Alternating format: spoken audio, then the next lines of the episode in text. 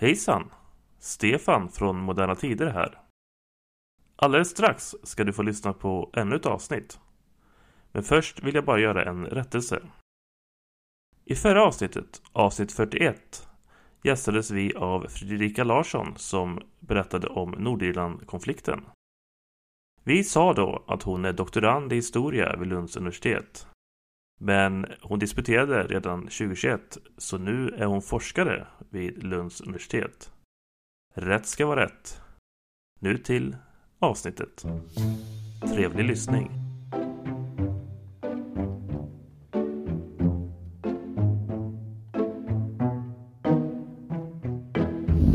Ja, men då säger vi välkomna ännu en gång till eh, Moderna Tider. Eh, den här gången eh, så är ju Matilda med. Säv, Japp, välkommen tack så mycket. ännu en gång. Vad har du att eh, berätta? Ja, hösten är kommen. Hösten kommer snabbt. Ja. Ja. Vi ska inte stanna upp vid det. Nej, men jag tänkte på det. Det var, det var ju några sådana här årsdagar nyligen. Jag tänkte inte prata om eh, kungen och det här, för det har varit så mycket skit om det. Ja, det har varit mycket ståhej om kungen. Ja. Väldigt mycket ståhej. Men eh, vi är ju ingen kungapodd. Nej. Eller? Men eh, ja, vi kanske inte ska yttra för mycket om vad vi tycker om saker och ting. Nej. Nej. Vi är framförallt en eh, neutral podd. Mm. Vi gillar ju att prata om gamla kungar. Det gör vi. Nej, men det var ju 50 år sedan eh, militärkuppen i Chile till exempel. Ja, Och 20 år sedan mordet på Anna Lindh samma dag. jag såg den här filmen Svarta nejlikan. Ja. Harald Edelstam. Precis. Han var, verkar vara en mycket eh, intressant person. Vi kanske skulle ha ett avsnitt om honom. Ja, då kan vi se filmen först. Ja, det har jag redan gjort då. Ja, vi kan se den igen. Jag vet hans brorsa är med i den där. eh, Jag tror det är hans brorsa som är med i den här Palme-dokumentären. Mhm. Men han, han var ganska rolig för att jag vet inte om det är med i filmen men han gick ju tydligen in. Kubanska ambassaden låg tydligen bredvid den svenska. Och de verkar redan de verkar ha evakuerat liksom, den kubanska ambassaden. Ja men då gick han in och så gick han fram till flaggstången på, den, liksom innergården där och så höjde han en svensk flagga så sa han till de militärerna som var där att nu är det här svensk mark. Ja, det är med i filmen. Ja, om ni inte respekterar det så blir det krig mellan Sverige och Chile. Mm. Mm. Och sen hade, pratade, hade han eh, telefonkontakt direkt med eh, huset i, i Vällingby med Olof Palme. Han räddade väl massa, eller han förvarade massa människor. På ambassaden. Ja, han räddade livet på jättemånga personer. Mm. Jag kan rekommendera att titta på den här filmen för den var bra. Men jag har sett den innan också. Mm. Ja, men lyssnarna. Så det? Lyssnarna. Jaha, de ja. Men den, ja, den är ganska gammal va? Ja, 2007 eller något tror jag den kom. Men det har inte gjorts någon film på mordet på Anna Lindh. Nej. Nej. Det kanske kommer. Det gick en ganska bra nu det här, vad heter det? Brotts... Eh, på SVT. Det är någon slags, jag tror de gör för play bara. Men man går igenom ett brottsfall och så är det typ så här 20 minuters avsnitt. Och så är det André Pops och så är det någon eh, kriminal, jag tror han är det, kriminalreporter. Han har varit på det, vad heter det? Veckans brott kanske. För de har haft andra eh, fall innan också. Nu har de gjort ett om eh, mordet på Anna Lindh då. Mm.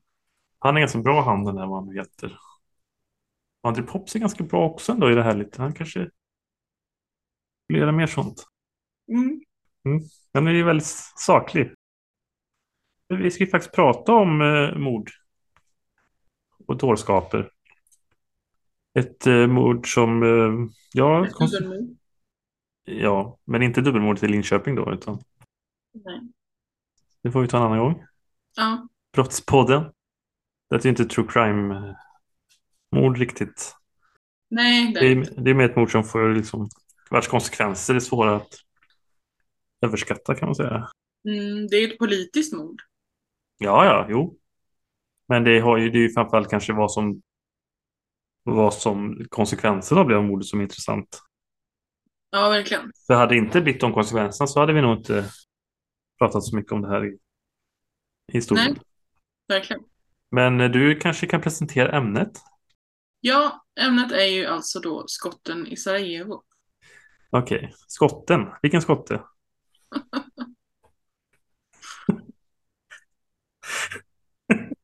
McPrinchip. Uh, McPrinchip! varför var det ingen, eller för känsligt kanske? Det var ju perfekt att skriva en sån här fars eller något. Skotten. Men det, det brukar vara i korsord. Så här. Var skotten i Sarajevo och då blir det turist.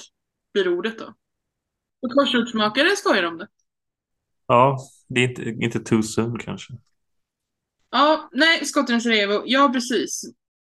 Som eh, då ägde rum i juni, den 28 juni 1914. Och som i efterhand då eh, man säger har utlöst, eh, eller utlöste första världskriget helt enkelt. Ja, det, man kan säga att det utlöste en kedjereaktion efter det. Men vi kommer till det så småningom. Mm. Eh, det är ju framförallt då skotten i Sarajevo som vi har tänkt eh, fokusera på, inte så mycket eh, början av första världskriget där. Och det var ju alltså då ärkehertigen Frans Ferdinand och hans hustru Sofie von Schoten som blev mördade. Sofie von Schotek. Som blev mördade av den serbbosniska ynglingen Gavrilo Princip. Ja, och det eh, kräver kanske lite bakgrund då till varför hur det kunde hända det här. Ja, precis. Det, det, kom, det, det hände ju inte i ett vakuum så att eh, man skulle nästan kunna börja med Wienkongressen 1815. Mm -hmm.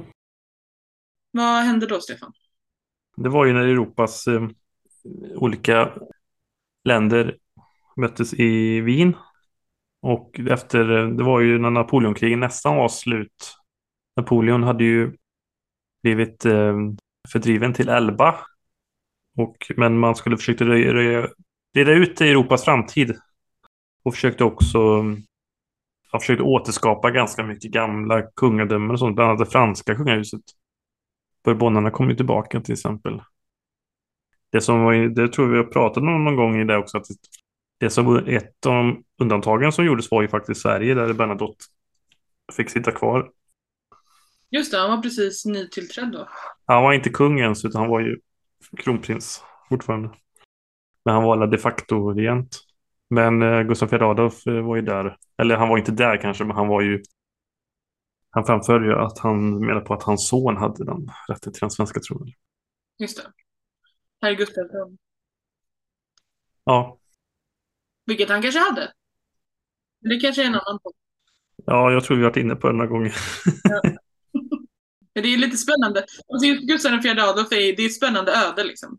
Ja, den tiden kring 1809 år är ju, det är väldigt avgörande del i svensk historia. Ja.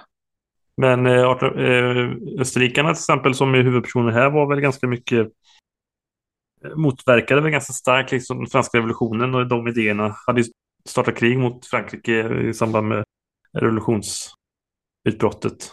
Och Marie Antoinette var ju härstammar ju från hus, huset Habsburg. Mm det lugnade ju ner sig ganska mycket efter 1815. Det var ju en ganska lugn period då. Alltså det, man kan säga också att nationalismen är ju på frammarsch så småningom här under 1800-talet också. Och inte minst tyska, liksom mer tanken på att ena tysk nation föds ju mer och mer.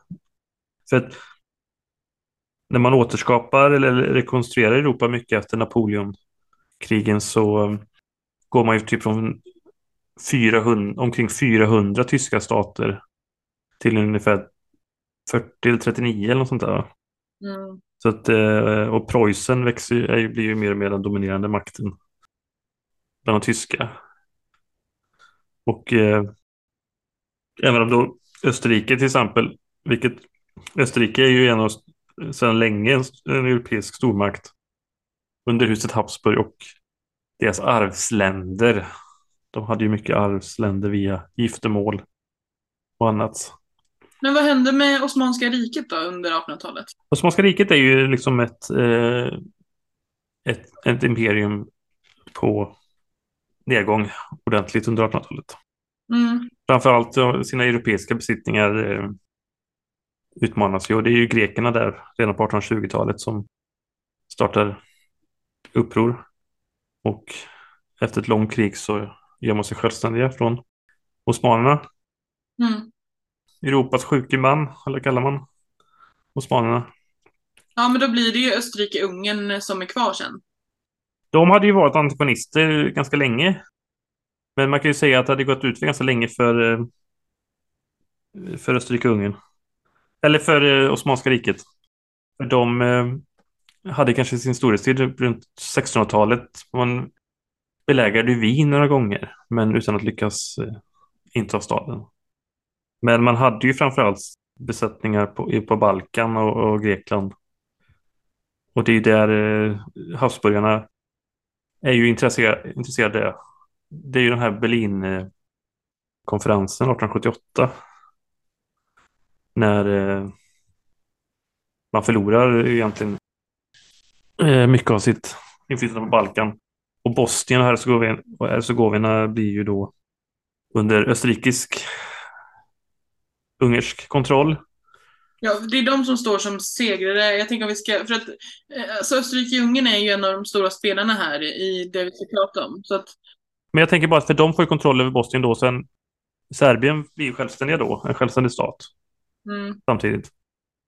Serbien har, väl, har ju också varit osmanskt länge. Du har ju, vi kommer in på det så småningom, men vi har ju slaget vid Trassfältet 1389. Ja. Också på ett visst speciellt datum då. Mm. 28 juni. Men om man tänker den europeiska kartan där, alltså hur, hur eh, viktiga var Österrike-Ungern efter Osmanska rikets nedgång så att säga? Eller kan man prata om fall eller säger man mer nedgång eller hur? Men det var en långsam död liksom. Europas eh, sjuke man. Osmanska riket när det var som störst var ett jättestort rike som sträckte sig liksom genom eh, över tre kontinenter. Det var ju liksom södra Europa, Nordafrika, Mellanöstern. Och Istanbul var ju då, eller Konstantinopel heter det väl fortfarande, var, var ju den dominerande. Eller var ju det huvudstaden. 1453 hade man ju besegrat eh, bysantinska riket. Det var ju slutet för Östrom. Men det är ju en, längre, det är ju en annan historia. Mm.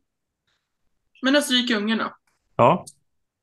Där hade ju då, kan man ju säga att där hade man ju också gjort vissa förändringar rent liksom formellt. Eh, eftersom vi har ju pratat om 1848 tidigare och eh, Eh, de uppror som skedde och det skedde även inom det här riket delvis. Och eh, senare 1867 så tvingades ju man gå med på att ungrarna fick ganska mycket autonomi och ett eget parlament och så. Det blev en dubbelmonarki i Österrike och Ungern.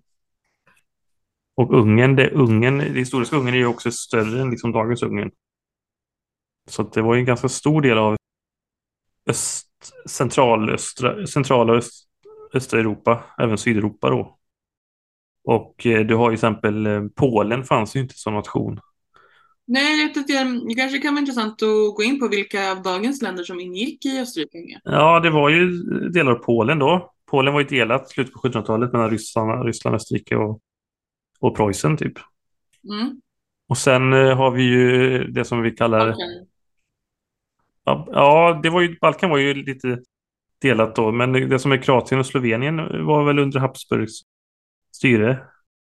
Och eh, Serbien blev självständig stat sen. Bosnien-Hercegovina ju, hade ju varit osmanskt men blev ju då eh, på 1800-talet, eller österrikarna fick ju kontroll över det men det var inte innan 1908 man annekterade Bosnien-Hercegovina. Och sen eh, det som är eh, då kallas för Böhmen och Mären, alltså Tjeckoslovakien, eller Tjeckien. Det var ju också under Habsburgs, eller Österrike-Ungern. Mm. Ja, Österrike då. Dagens Österrike. jo, men efter första världskriget sen när, när hela det här imperiet föll ihop så blev ju Österrike ett väldigt litet land. Mm. En republik. Men Tyskland var ju en storspelare. Storbritannien var en storspelare. Frankrike var en storspelare. Och Ryssland var en storspelare också. Då. Tyskarna hade ju då enats 1871. Efter det här kriget mot Frankrike. 1870-71. Och eh, det är ju efter den freden egentligen man säger att det här Le Belle Époque att det egentligen är fred då i, nästan i mer än 40 år. Mm. Vilket kanske är en sanning med modifikation. Ganska mycket. Men då blir Tyskland ett enat land i samband med den freden. I Versailles utropar ju Bismarck det enade tyska kejsardömet. Och Tyskland har ju ganska mycket ambitioner också att bli, en stormakt. Och det, det kan man ju säga också är lite när vi väl kommer fram till krig, kriget och det så är det ju mycket för Tyskland på något sätt vill ju ut på styva linan liksom. Och det är väl en av teorierna som har kommit upp senare att eh, Tyskland nästan väntade på en förevändning för att kunna starta krig.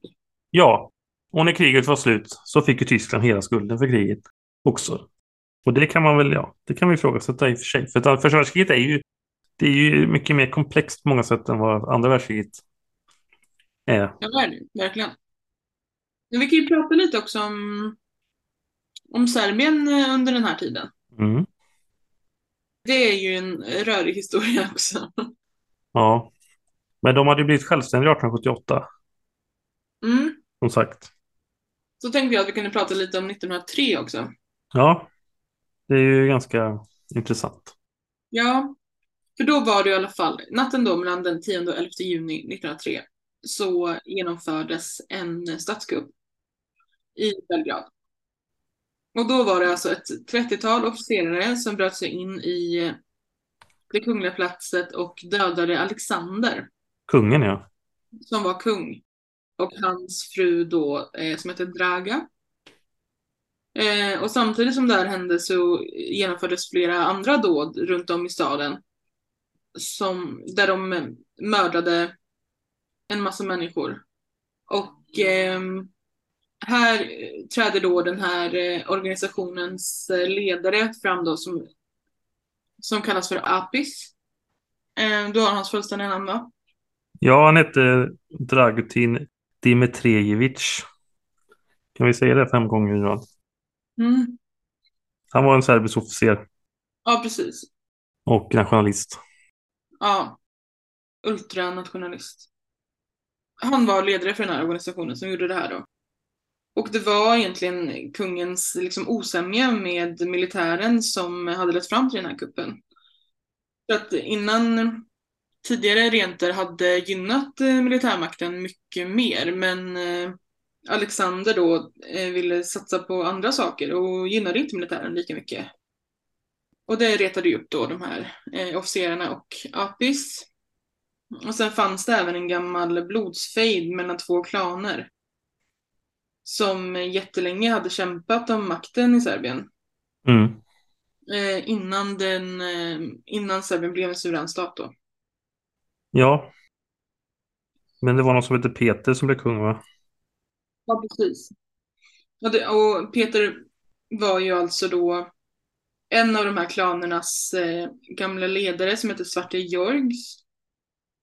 George, Jorgs, något så. Georg. Georg. Ja. Jorge. Jag vet inte riktigt. Det var i alla fall eh, hans barnbarn då som var Peter.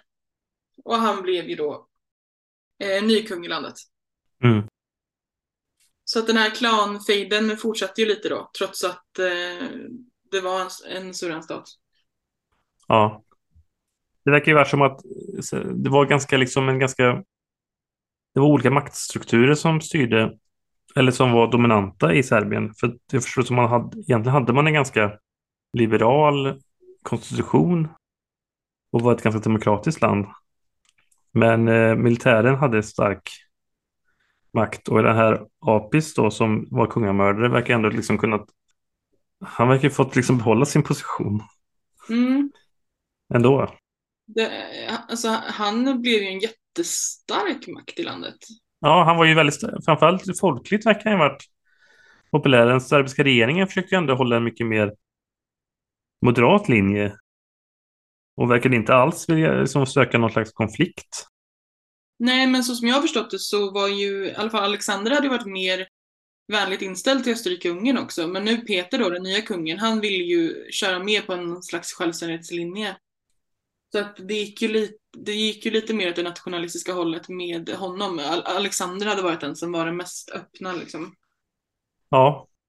Men jag tänker även senare när, så försöker de ju ändå hålla en ganska diplomatisk linje mot Österrike-Ungern i samband med attentatet. Officiellt i alla fall. Men vad som är vad, det är väl det som också är frågan. Det är det jag menar med att det är en komplex konstruktion. Den som, den som styr Serbien egentligen. Och så blir ju också då eh, Nikola Pasic. Han blir ju eh, den främsta statsmannen i Serbien. Ja. Han blir premiärminister sen. Då hade han företräder det officiella Serbien. Ja, exakt. Man har ju en kung och man har en premiärminister. Och så har man liksom militär eh, eh, militärledaren då, eller måste säga. Som ju också, det är.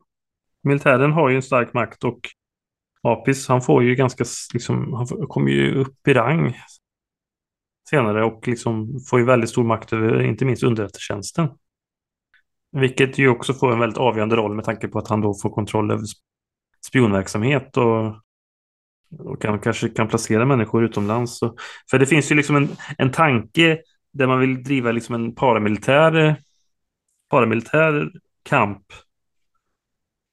med insatser utomlands. Den ultranationalistiska idén är ju det här visionen om ett Storserbien. Mm. Och den har ju även Pasic. Ja.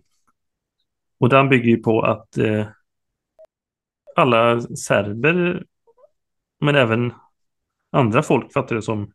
Ja. De ser ju lite, de ser ju eh, kroatiska till exempel och, och, andra slaviska språk som dialekter av serbiskan egentligen. Ja. Kroatiska. Jag vet inte om de, om de tänkte hela Jugoslavien, men alltså ett Storserbien ungefär som Jugoslavien vill de ju se. Ja, alltså du menar det Jugoslavien som kommer till? Som kommer sen, ja. Ja. Jugoslavien är ju inte en historisk eh, region egentligen. Utan det är ju någonting som freds segermakten skapar efter första världskriget. Ja, precis. Men det de vill se är ju ändå ett, utökat eh, Storserbien då. Alltså, jag ska inte säga att, att de såg någon slags vision om just Jugoslavien, men i alla fall ett, eh, ett utökat territorium där till exempel då Kroatien och, och flera andra länder skulle ingå. Då, liksom.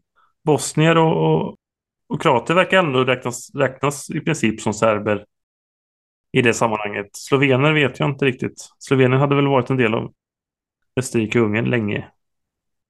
Jag tänkte Makedonien och Montenegro? Ja, Montenegro, Kosovo, Kosovo hade ju en speciell plats med tanke på det här slaget då i Strassfält.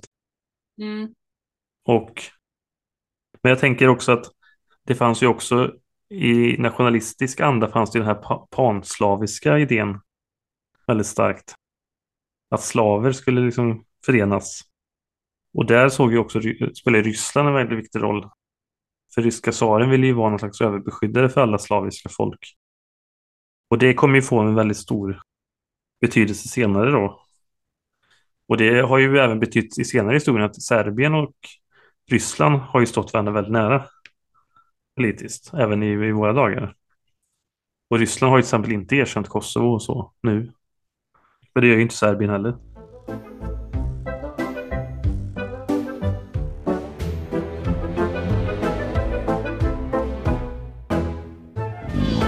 Men eh, Österrike-Ungern då, där sitter ju en väldigt gammal gubbe på tronen. Frans Josef. Ja, som har just liksom regerat sedan 1848. När han var 18 år. Han fick ta över efter sin bror, va, som inte ansågs riktigt tillräknelig. Mm. Han har ju en brorson. Ja, alltså han har ju mycket tragedier i sitt liv. Han hade ju en son då, Rudolf. Som ju antar väl var tronarvinge då.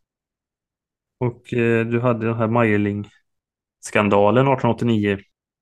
När Rudolf då hittat stöd ihop med en, någon som man tror var hans älskarinna eller ja, hon var bara 17 år tror jag. Ja. Man förmodade att han tog livet av sig. Ja, och det kan väl varit så att han var i fejd med sin far om vem han skulle gifta sig med. Antar jag. För det var ju ganska viktigt för Frans Josef det här vem, vem man gifte sig med. Mm. Han hade ju även då Elisabeth O'Brien var hans egen fru. Och hon mördades ju av en anarkist 1898 i Genève. Och det var ju eh, mycket sådana dåd mot kungligheter och sånt på den här tiden.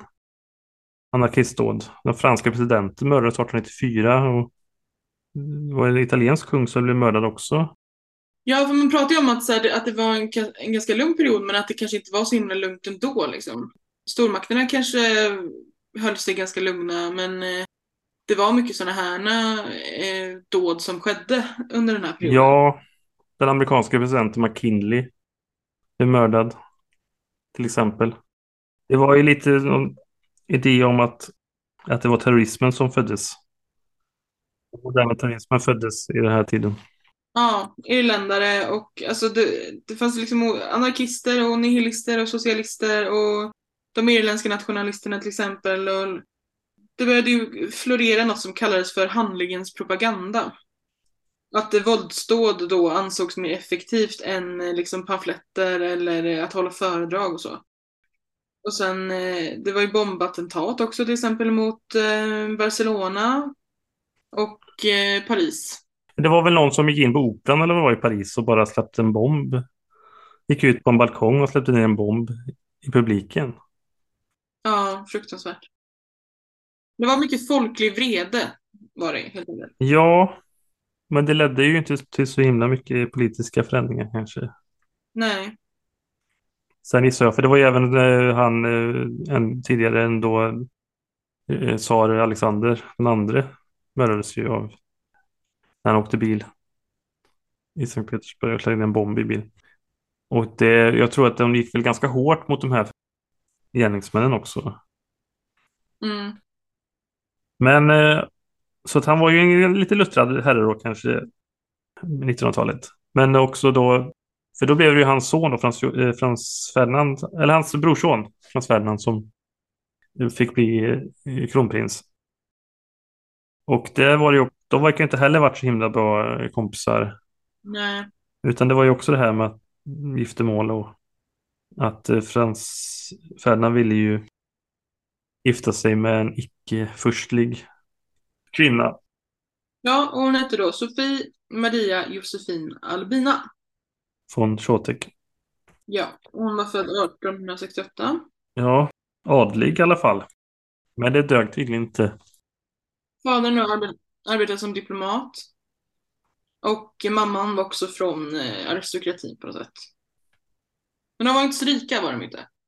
Nej, nej, men det, det spelar nog mindre roll. Ja, men för Sofie tog ju alltså en tjänst som kammarjungfru åt Isabella av Coy när hon var 20 år. Isabella av Coy då var ju fru till en av Frans Josefs bröder. Och det var på så sätt hon kom i kontakt med Ferdinand då. Ja, men han stod ju på sig då och han fick gifta sig till slut. Mm. De blev kära i varandra någon gång där. Slutet på 1800-talet och så fick de gifta sig till slut då, som du sa. Den första juli 1900 gifte de sig. Mm. Och det var ett så kallat morganiskt äktenskap. Alltså av icke-förstlig börd.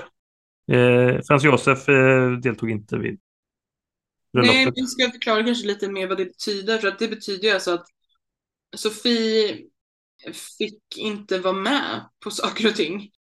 Och, eh, de, de barn då som de eh, fick, eller om de, det var ju redan sagt av giftermålet, att eventuella barn skulle hållas borta från hovet.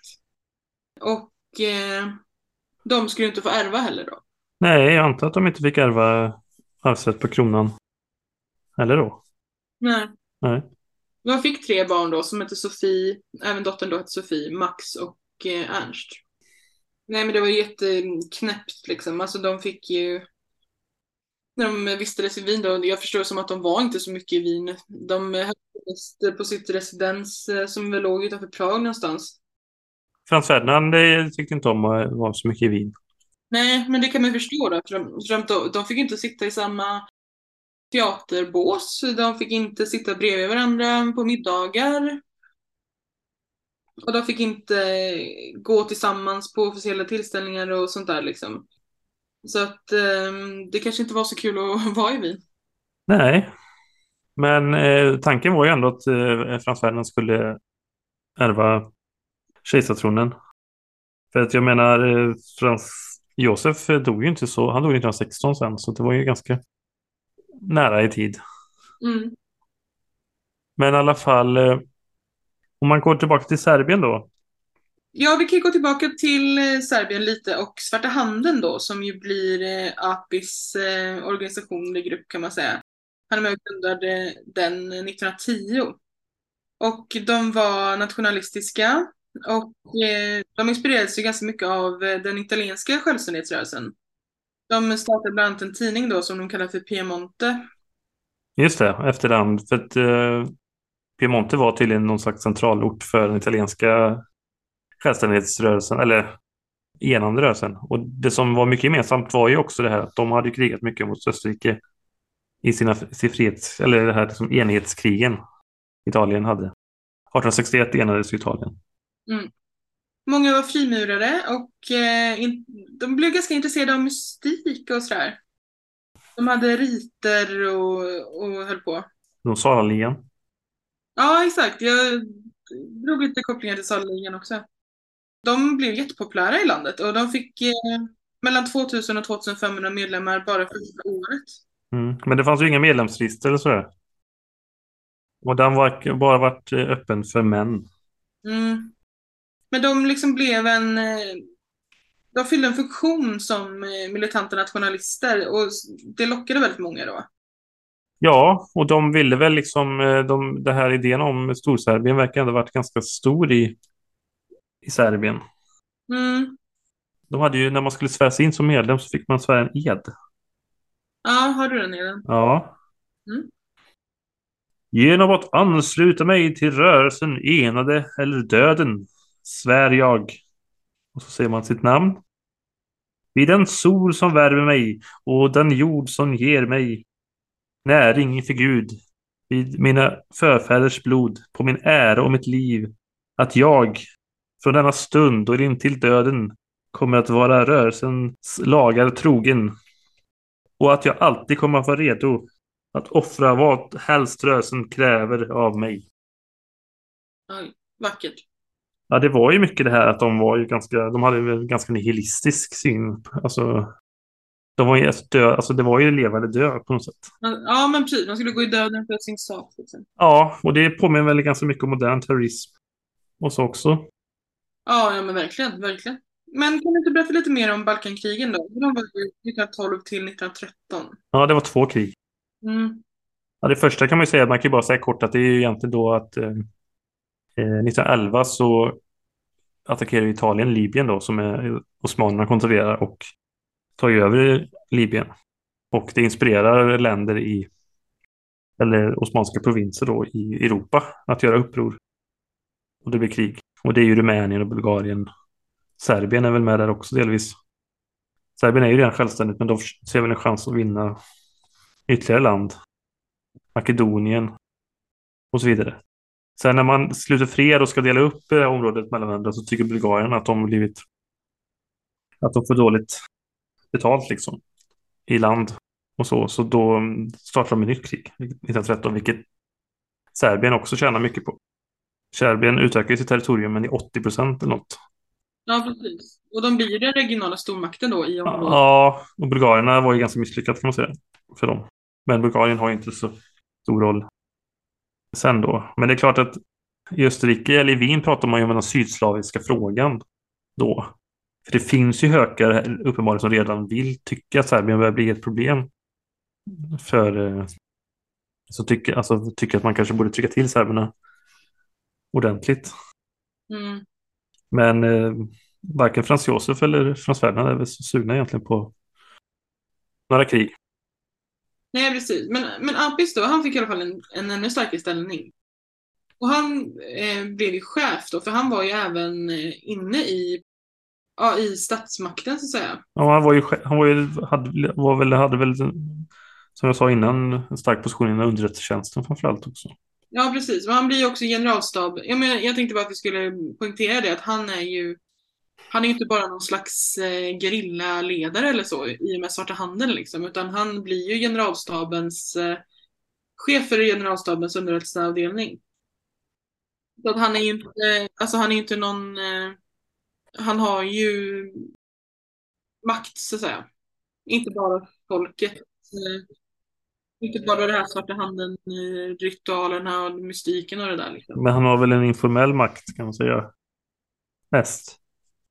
För att eh, regeringen måste ju på ett sätt balansera också sin relation till de här krafterna. Eftersom de har så stort folkligt stöd. Det känns som idag hade man liksom inte kunnat vara chef för generalstabens underrättelseavdelning och samtidigt ha en sån här eh, folklig gerilla... Nej, men du kan ju... Vi kan ju faktiskt ta ett ganska nära exempel som liknar det här. Även om Mm. då... Ja, det var ju han eh, Prigozjin, eller alltså Wagnergruppen, eh, var ju en slags makt i makten. Fast de var ju en privatarmé då som ändå liksom... Sen eh, vet vi, det slutade ju då med att, att han blev utmanövrerad och troligtvis dödad också då i slut. Men jag menar, det var väl en person som hade, och militären har ju, militären har ju haft liksom, även i senare tid så har ju vissa länder där militären alltid har varit en slags maktfaktor. Till exempel Turkiet där man hade flera militärkupper 1960 1980. Eh, där, där man, åkte 2016 var det ett misslyckat kuppförsök. Egypten är samma sak, där militären är en maktfaktor som man måste förhålla sig till, för militären kan när som helst liksom gå in och plocka bort det styrande. Thailand är också ett bra exempel. Jag vet inte om det var exakt det du frågade efter, men eh, Nej, men det var bra. Eh, i Sverige till exempel ett land där är ju militären mer liksom under, helt underordnad eh, statsapparaten. Det här är ju som makter i stater i stater mer. Det är en svag, en svag centralmakt liksom. Det kanske är det som är svårt för en svensk att förstå, eller det är i alla fall bra med förklaring för en svensk person, för att man tänker ju att, eh, att en militär är underställd staten, men eh, som du säger då så behöver det liksom inte vara så. Nej, men klyftorna mellan regeringen och militären eh, ökar ju. Mm. Och ehm, APs förresten kan vi ju säga, det, det är ju ett smeknamn bara. Nej, men, som ett tecken på eh, vilken eh, ledare han var så eh, Apis är ju någon eh, egyptisk gud som avbildas med tjuransikte och, och sådär. Så att han, eh, han var ju verkligen idoliserad av eh, folket. Ja.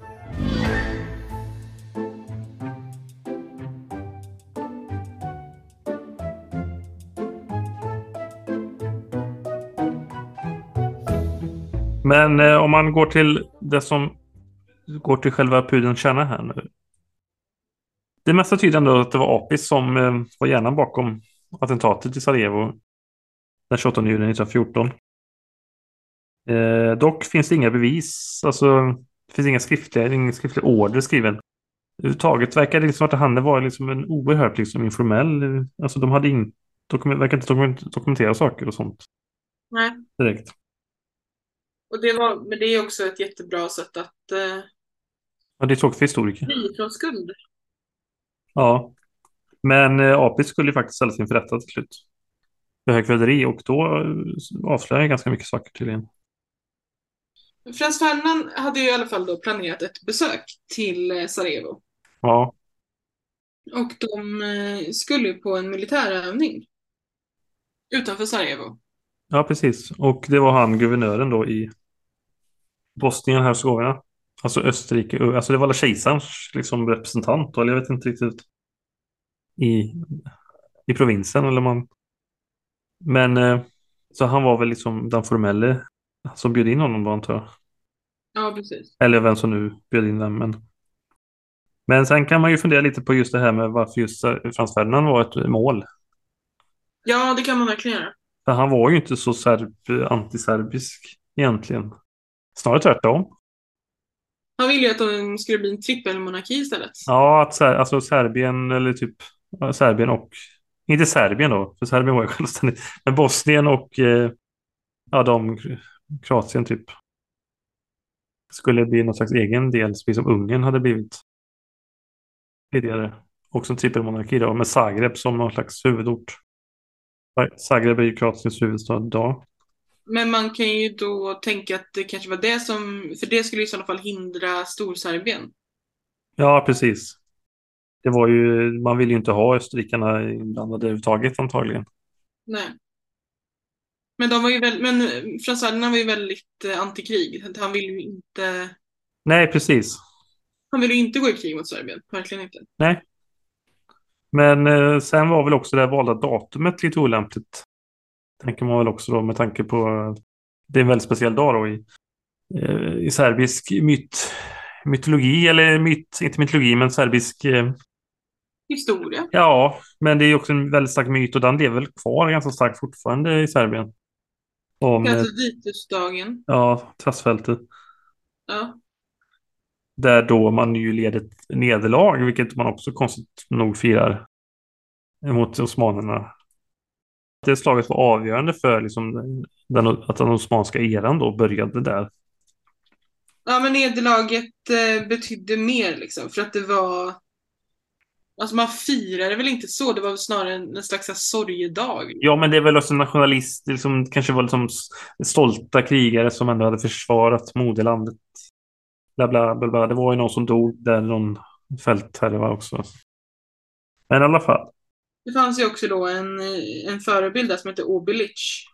Ja, inte Obelix. Nej, Obelic.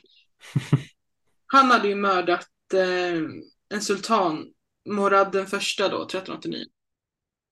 Jag har uppfattat det som att det, var nog inte Frans Ferdinand i sig kanske som var målet så, utan det passade väldigt bra att han kom dit. Han var ändå någon slags representant då för Österrike och Ungern. Men det var liksom inte honom man var ute efter, utan eh, det blev en symbolisk eh, grej. Att man också skulle göra ett nationalistiskt eh, attentat just den dagen. Liksom.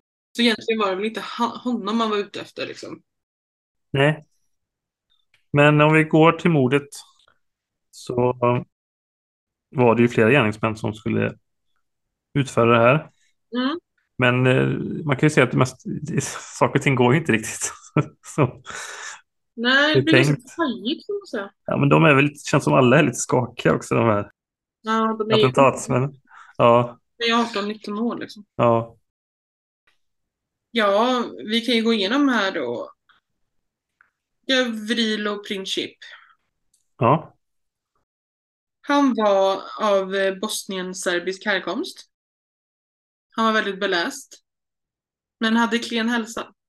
Ja, de hade ju mycket som var gemensamt var ju att de var ju, hade haft tuberkulos. tuberkulos. Många Ja. är. Och de var väl i stort sett döende. Den här lilla eh, gruppen då som bestod av Princip, eh, en kille som hette Kabrinovic och en kille som hette Grabes. Ja, Illich var han också. Ja, men han var ju lite äldre. Ja, men han var också med i Sarajevo. Mm. Ja, Men han var ju mer eh, ledare eller vad man ska säga.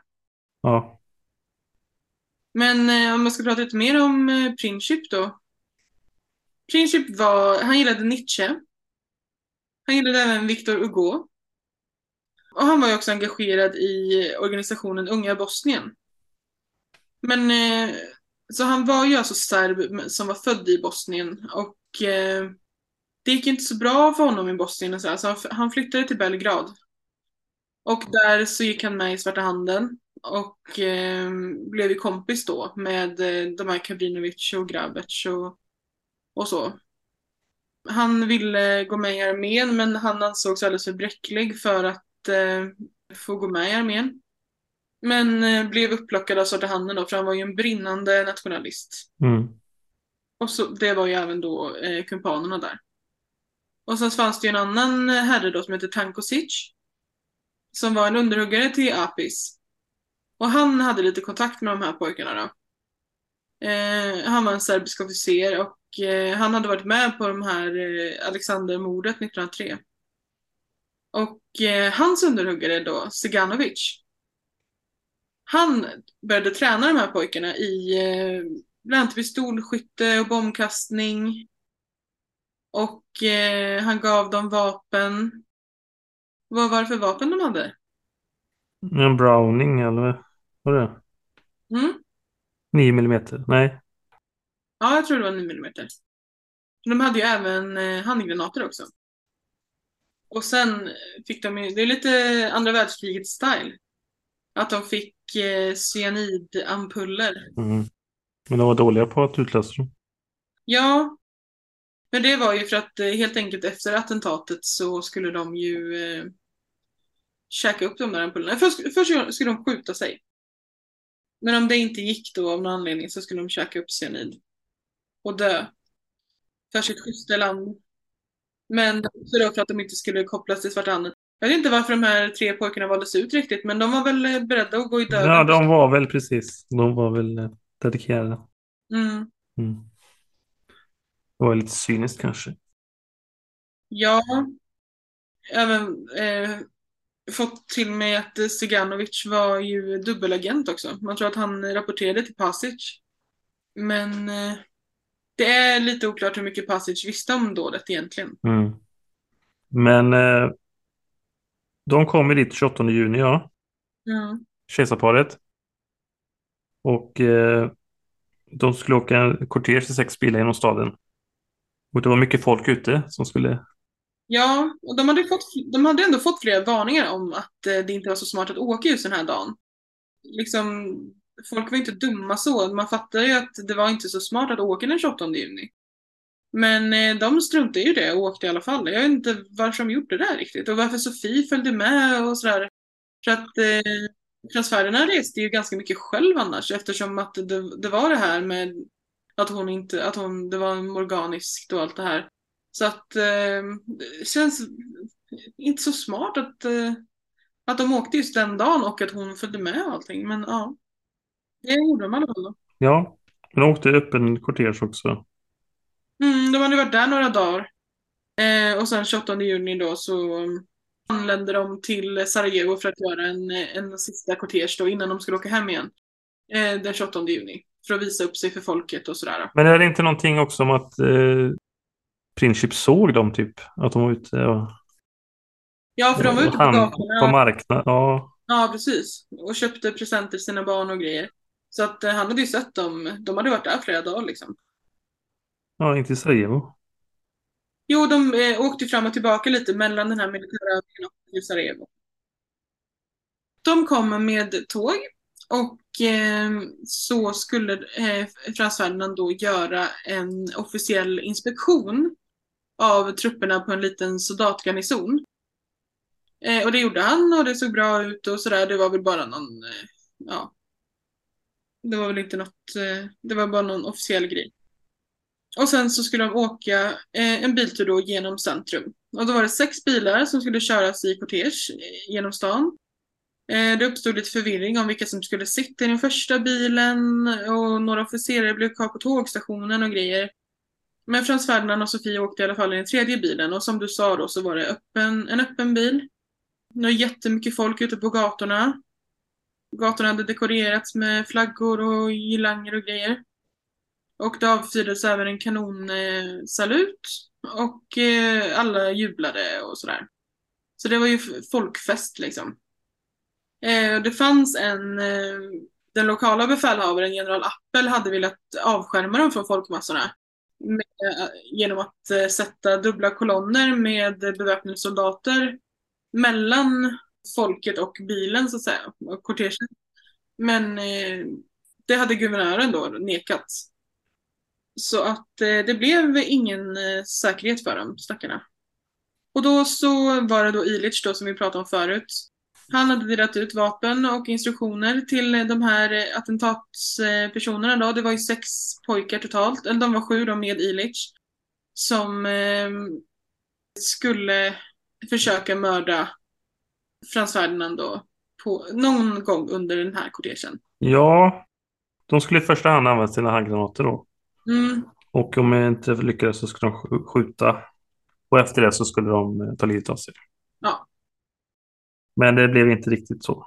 Nej, det blev inte så riktigt. Då var det ändå en kille som heter Basic. Han eh, var först.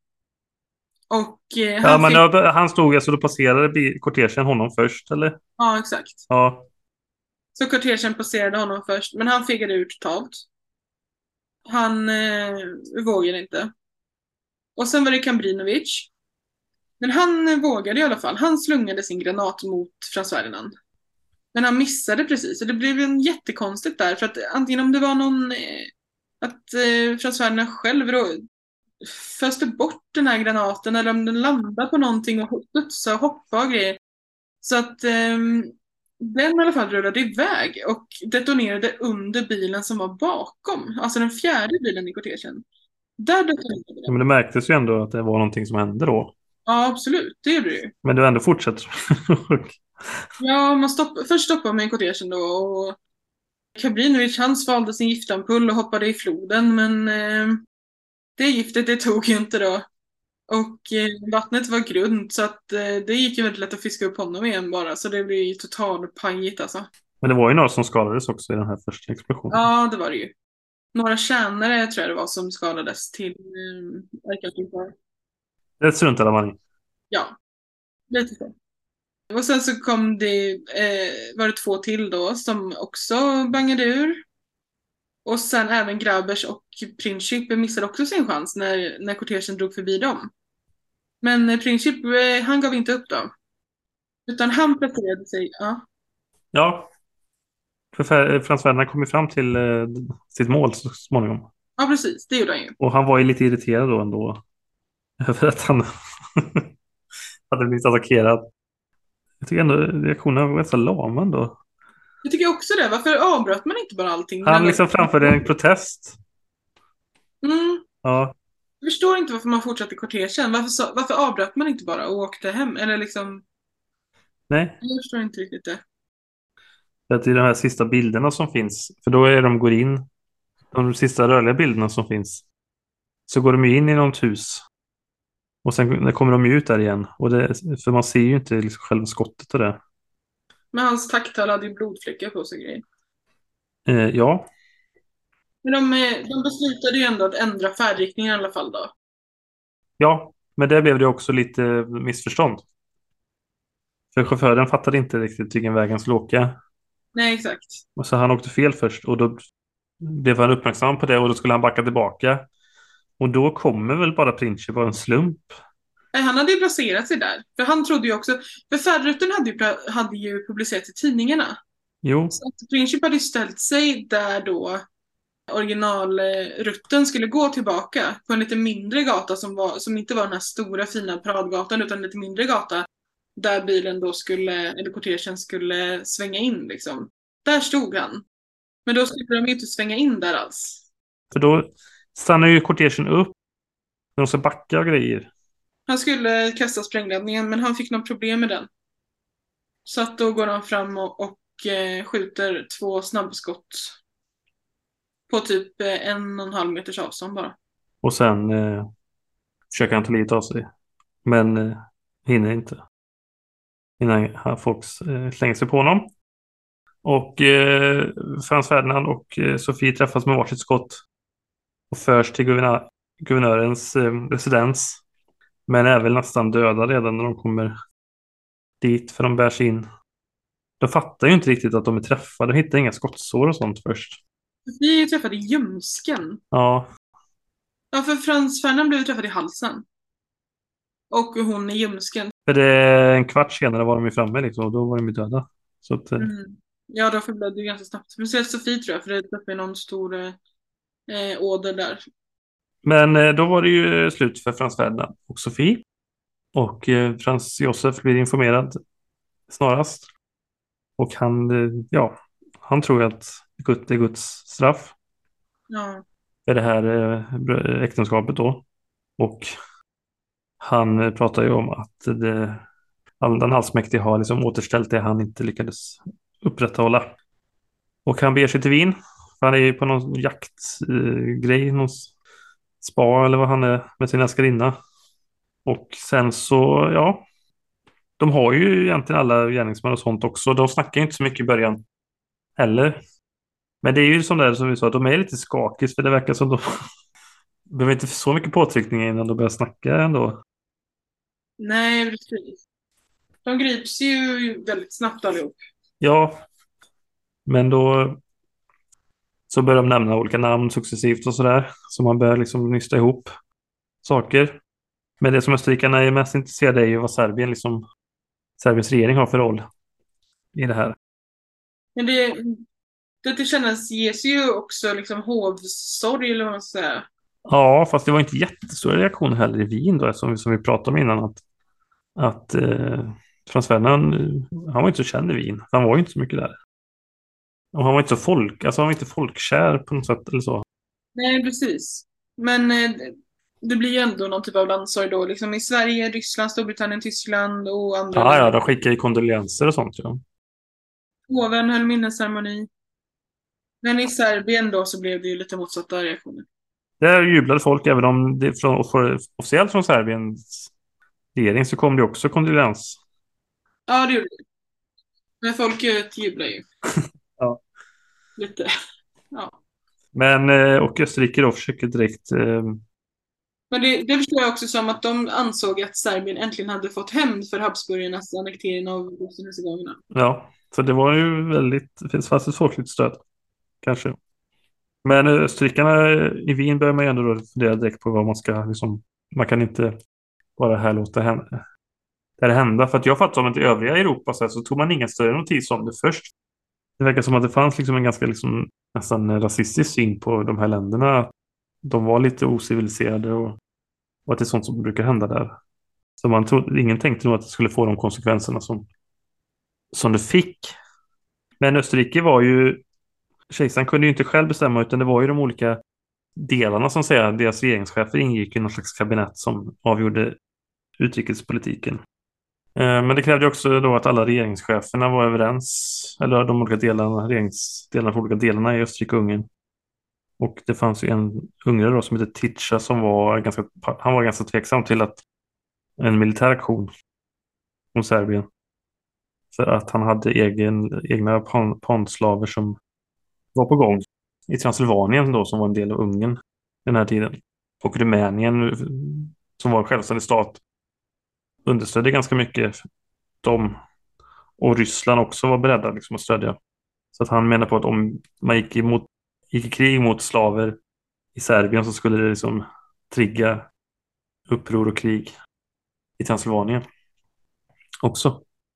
Sen var det tydligen också viktigt då att man dels hade klara bevis mot Serbien, men även att man på något sätt hade garanti för att tyskarna var beredda att gå med på samma sida. Ja, tyskarna gav ju Österrike-Ungern en, någon slags fria händer. Ja, man gjorde väl det först. För man var väl osäker först, för Kaiser Wilhelm hade ju sagt någonting att man tyckte att han tyckte att Serbien och Österrike skulle lösa sina konflikter med kulturella utbyten och bra handelsavtal. Men det är möjligt att han såg en möjlighet också då. Ja, man vet inte då hur mycket Tyskland liksom eh, började planera när det här hände. Det som hände var i alla fall att eh, Österrike-Ungern gav ju Serbien ett ultimatum. Ja, tio punkter va? Ja, precis. Men grund, grundanklagelsen var ju, för man hade ju liksom inte riktigt kunnat koppla Princip och Kabrinovic tog ju fullt ansvar för det som hade hänt och de nämnde inte Svarta Handen eller ingenting liksom. Så man kunde inte bevisa att det var Svarta Handen och Apis som hade legat bakom dubbelmordet. Men grundanklagelsen blev ju då att serbiska regeringen hade underlåtit att bekämpa den våldsbejakande nationalism som till slut hade kostat eh, ärkehertigen och eh, hans fru livet då. Ja, och eh, man hade väl också som krav att alla tio punkter skulle uppfyllas. Ja, exakt. För serberna var väl ändå, var väl ändå beredda på att gå med på vissa grejer. Ja, men det var väl bland annat att Österrike ville liksom leda utredningen och så i Serbien. Ja. Plankovic och Seganovic skulle båda gripas också. Ja, men det var en massa saker. Det gick inte för Serbien att gå med på allting utan att liksom överge sin suveränitet. Nej, exakt. Och det, det spekulerades ju då kring ifall då Österrike-Ungern medvetet satte alldeles för hårda krav i det ultimatumet för att få en förevändning att starta krig fanns ju även rykten efter dådet att Österrike och Ungern hade sensatt själva dådet också. Ja visst, det fanns ju. Men det är mycket, det är mycket mm, konspirationsteorier i det. Men... Mellan 28 juli då, en månad efter attentatet, så är ju den här tidsfristen ute då för Serbien. Och man har ju inte uppfyllt de krav som Österrike-Ungern kräver, utan då förklarar man krig mot Serbien. Och nu ska vi se här om vi kan länka ihop den här kedjan då av eskalering. Här kan man prata om dominoeffekt på riktigt. Ja, verkligen. För att eh, Ryssland hade ju ändå liksom gett någon slags garanti ändå för serberna som slavernas överbeskyddare. Så när Österrike-Ungern förklarade krig mot, mot Serbien. Serbien så förklarade Ryssland krig mot Österrike-Ungern. Ja. Jag förstod som att Ryssland redan hade börjat mobilisera. Alltså de hade börjat flytta sina Ja. trupper närmare den österrikiska gränsen. De. Men det fanns ju också en eh, fanns ju fördröjning där också. För till exempel Nikolaj, som var tsar i Ryssland, han ville ju verkligen inte ha krig. Och han var ju någon slags brylling eller vad det var med eh, även eh, Kaiser Wilhelm, alltså Tysklands... Nej, ja, de är kus- kusiner var de. Ja, jag hörde brylling, men ja, de var släkt i alla fall på något sätt. Men då var ju, för de var väl kusiner, var de inte alla eh, barnbarn till eh, drottning Elisabeth? Äh, drottning, inte drottning drottning Victoria. Eh, Även kung George var ju... Ja, ja, ja, ja, möjligt. Ja, jag vet i alla fall att kejsar Wilhelm och kung George måste ju varit kusiner, för de hade ju samma... Alltså, hans Fredrik var gift med en dotter till drottning Victoria. Jag har läst en bok om det någon gång som kopplar ihop, alltså de var nära släkt med varandra. Men, så. Ja, men de kan inte, ja. Kusiner, det kan också vara förvirrande på engelska ofta, för att det kallar man ju liksom ryllingar och sånt Men också. first cousin, second cousin. Ja, det precis. Kusin blir konstigt ibland. Ibland kan man vara både och också. Ja, precis. Absolut. Inte minst kungligheter och sånt kan vara liksom, Ja. flera släktband. Men eh, Nej, men de... eh, Alltså så att eh, det krävdes ju att Nikolaj skulle gå med på full mobilisering liksom. Och det drog ut lite på tiden, men som du sa så började man mobilisera eh, redan innan. Till slut så, så över, övertalade man ju Nikolaj då om att eh, köra på med full, eh, full mobilisering liksom. Men man såg sig nödgad också i samband med att Serbien ändå blev attackerat av Österrike-Ungern. Men sen var ju Österrike-Ungern då allierad med Tyskland. Och det gjorde att Tyskland då förklarade krig mot Ryssland. Och i någon slags förebyggande syfte för att inte få fransmännen i ryggen så förklarade man krig mot Frankrike också Mm. Samtidigt. Man, start, man skapade ett fr- tvåfrontskrig från början, tyskarna. Det kanske inte var så smart. Nej, men man trodde ju att det skulle... Alla hade ju föreställningen att kriget skulle bli väldigt kort. Va? Ja. Men sen var det britterna också då och det var ju att britterna var ju väldigt tveksamma hur de skulle, om de skulle också gå in i kriget. Men de hade ju garanterat Belgiens neutralitet. Men det första tyskarna gjorde i, i, i liksom, när man tågade mot Paris eller Frankrike, det var att man gick genom Belgien. Och då hade man ju liksom gått över den gränsen och så då förklarade till Storbritannien också krig mot Tyskland. Och det var ju Entanten var ju då Frankrike, Tyskland och Nej! Frankrike, Storbritannien och Ryssland. Ja. Och centralmakterna var Tyskland, Österrike, Ungern och Osmanska riket allierade sig också med dem. Plus Italien till att börja med. Italien bytte sida sedan 1915. Och 1917 så kom USA med i kriget också. Och Ryssland drog sig ur. Det, precis. Och eh, i slutet 1918 när allting tog slut så följer också då eh, det Habsburgska kejsardömet ihop fullständigt. Och eh, det ryska kejsardömet föll ihop och det tyska kejsardömet föll också. Så det var flera... Det var egentligen bara det brittiska imperiet då som fanns kvar av det gamla. Även om det brittiska imperiet var ju inte kanske... Betyder inte riktigt samma sak. Ska vi bara gå igenom vad som hände då med de här stackars... Ja, vad hände med de... Eh... Stackars och stackars. Ja. Det var väl också att de var så unga så de kunde inte dömas till döden, de flesta av dem. Nej, precis. I Österrike. De var under 20 va? Mm. Princip var, var ju precis, han var ju 19 år och 11 månader, så han var ju precis under 20 när han begick mordet. Men han dog ju ändå sen, men eh, Ja, i fängelset ja. Ja, precis. 1918 dog han innan kriget tog slut. Alla, alla erkände sig skyldiga. Men, eh, och alla utom Princip var ångerfulla också. Och det var ju speciellt då eh, Sofie som man ångrade att man mördade. För det var ju inte riktigt meningen. Och det sa till och med Princip att, eh, att Sofies död hade varit ett misstag. Att eh, det skottet snarare var ämnat för guvernören. Men eh, Princip dömdes då till 20 års fängelse för mord och högförräderi. Och eh, detsamma gällde för Grabers och eh, Kabrinovic. Och de sändes då till eh, det böhmiska fånglägret eh, Theresienstadt. Ja, det blev ju känt senare i historien. Nazisterna använde ju det som koncentrationsläger. Och där blev de ju inte behandlade eh, så bra.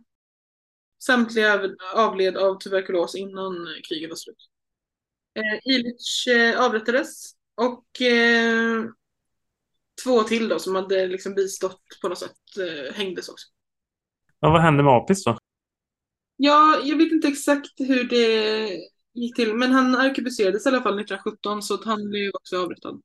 Men han, vi sa ju det eh, tidigare att han blev ju eh, på något sätt eh, ställd inför rätta för högförräderi. Förräderi i Serbien då antar jag. Men eh, har vi något mer att säga? Nej, det var väl händelsen i stora drag. Ja. Vi kanske får återkomma till första världskriget någon annan gång. Ja, det är väldigt spännande. Ja. Men eh, vi tackar för idag gör vi. och hoppas att eh, alla är nöjda och glada. Okej, tack så mycket. Tack. Hej då. Hej då!